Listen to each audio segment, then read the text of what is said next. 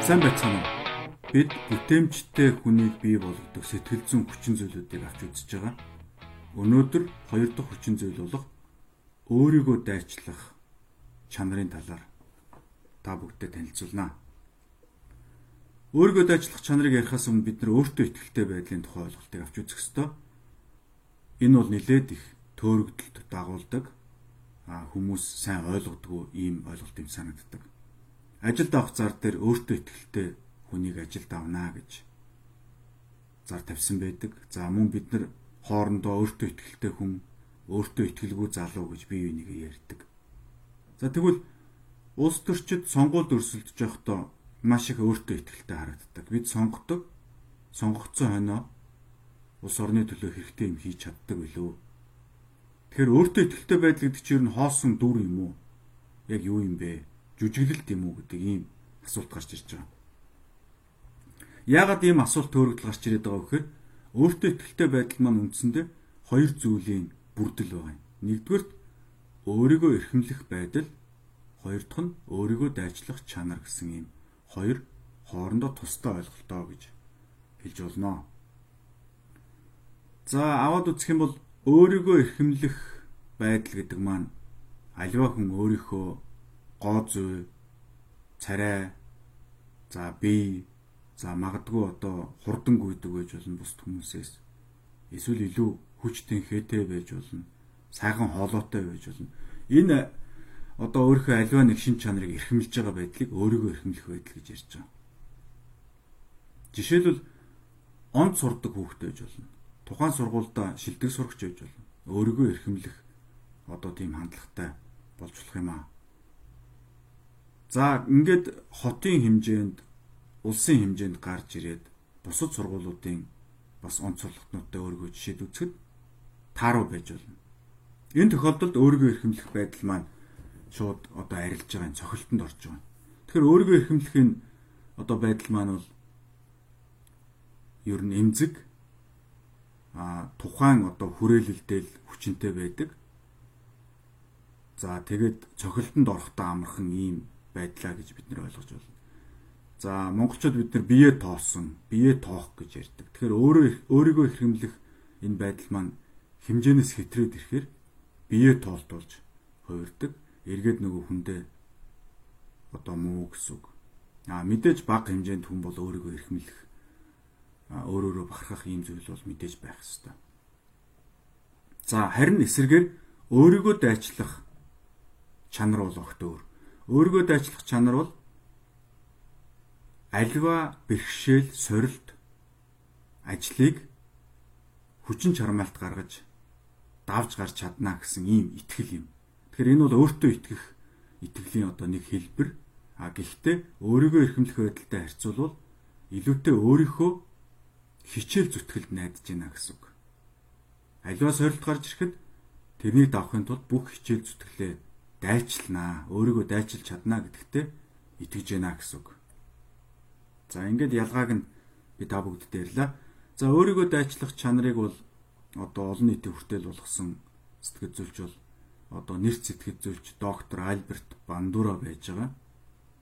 За Бандура одоо энэ өөрийгөө дайчлах чанар бол бүтээмжид нөлөөлдөг юм байна гэдгийг судалж гаргаж ирсэн. За түүнээс хойш маш олон судалгаанууд бол дэлхийд даяар хийгдсэн. Нийтдээ 100 гаруй бүтээмжийн судалгаа хийгдсэн байна. Ингээд компани ажилтнуудаас өөрийгөө дайчлах чанартай хүмүүс бол хамгийн өндөр бүтээмжтэй байдгаа гэж судалж гаргасан байна. Мэдээж өндөр бүтээмжтэй хүн гэдэг чинь өндөр цалин аавна, тушаал дэвшин захирал болон менежер болно гэсэн үг. За, оюутнуудын хувьд бас судлаад үзэхэд оюутнуудын сурлагын дүнг сэтгэл зүйн зан чанаруудтай харьцуулж судалсан 241 судалгааны үр дүнг нэгтгэж үзсэн байж байна. За тэгэхээр өөрийгөө дайчлах чанар бол ерөөсөө сурлагын одоо чанар чансаа чансааг бол таамаглаж чадж байна гэдэг ийм дүгнэлт гарсан байгаа.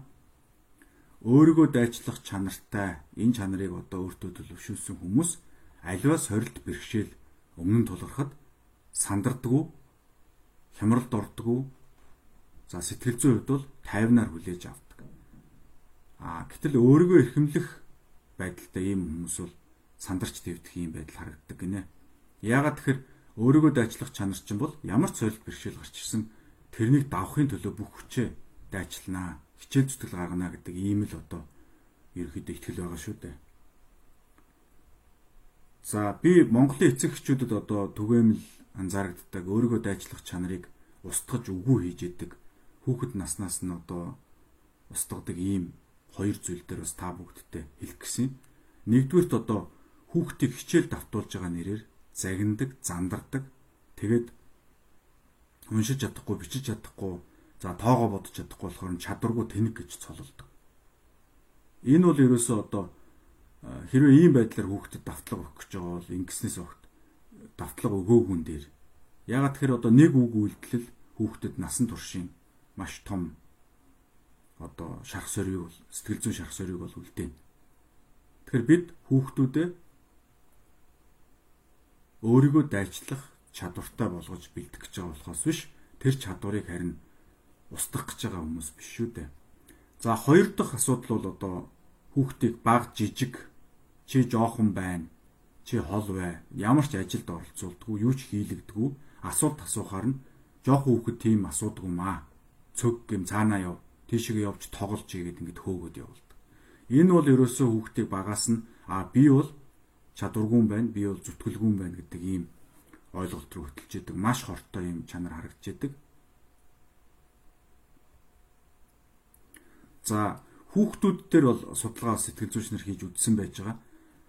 Ингээд зарим эцэгчүүд тооны одоо тийм тэмцээнд ороод төрүүлээд гараад ирсэн хүүхдүүдийг зарим эцэгчүүд бол чи ухаантай миний хүүхэд мундаг чи бол төрөлхийн гоц авьяастай онцгой хүүхэд юу гэж магтсан. За нөгөө нэг эцэгчүүд нь өөрсдөө хүүхдүүдийг чи сайн хичээсэн учраас энийг хийж чадлаа. Чи хөдөлмөрсөн учраас тэрний чи үр шим гарлаа гэж өөрийгөө дайчлах, өөрийгөө дайчилсан тэр чиглэл рүү ингэж магтсан байж.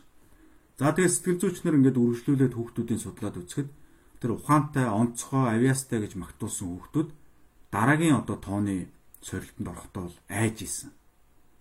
Юунаас айж яана гэж судлаад үзэхээр хэрвээ энэ тоог бодож чадахгүй бол би одоо мангар болчих юм биш үү? Би онцгой биш болчих юм биш үү гэдэг ийм айдас бол хүүхдүүдэд байсан. А нөгөө өөрийгөө дайчилсан гэдгээр нь магтуулсан хичээсэн шүү хөдөлмөрсөн учраас чи энэ үр дүнд хүрлээ гэж магтуулсан хүүхдүүд ямар ч айдасгүй би дахиад хичээнэ дахиад одоо энэний арталд өөрийгөө дайчлаад гарна гэдэг ийм итгэл үнэмшилтэй байсан юм. Тэгэхээр Одоо эндээс бүтээмжид одоо өөрийгөө дайчлах энэ сэтгэл зүйн чанар ямар чухал үүрэгтэй бэ? Эцэгчүүд хүүхдтэйгээ яаж харьцах ёстой вэ гэдэг нь ерөөхдөө тодорхой болж эхэлж байгаа баха. За өөрийгөө дайчлах чанарыг яаж хөгжүүлэх вэ гэдэг дээр ерөөхдөө данах дараах зөвлөгөөг бол би та бүгдтэй өгч байна. Нэгдүгээр хүүхдүүдэд өөрсдөд нь таарсан сорилтуудыг бол өгөх ёстой баг багаар.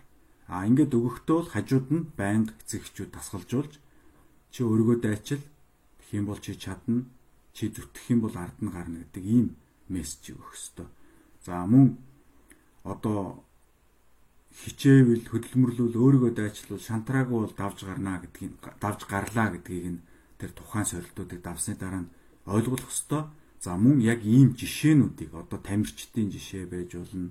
За мундаг бизнесмэнүүдийн жишээ байж болно. Ингээд оюуны өндөр чадвартай байсан учраас биш. Царайлаг байсан учраас биш. Биеийн хувьд одоо өндөр томч гэдэг юм уу хурдан гүйдэг том булчинтай байсан учраас биш. Харин өөргөө хичээсэн, дайчилсан, шантраагүй учраас энэ амжилтанд хүрлээ гэдгийг л ерөөсө байнга ярьж ойлгуулж чадах юм бол хүүхдэд энэ өөрийгөө дайчлах чанар бол хөгжиж суух болно. За ингээд та бүгдтэй хоёр дахь сэтгэл зүйн зөвлөгөөгөө хүргэлээ хүүхдүүдээ бүтээмжтэй хүн болох ажилтнад нь амжилт хүсье. Тэгээд мэдээж одоо энэ хуудасаа цаашаа одоо хэрэгтэй хүмүүст нь шеэрлэх хэрэгтэй, лайк дарах хэрэгтэй. За өөрсдийнхөө туршлагаас санаа оноогоо комментээр бичиж үлдээгээрэй гэж хүсэж байна. За амжилт хүсье.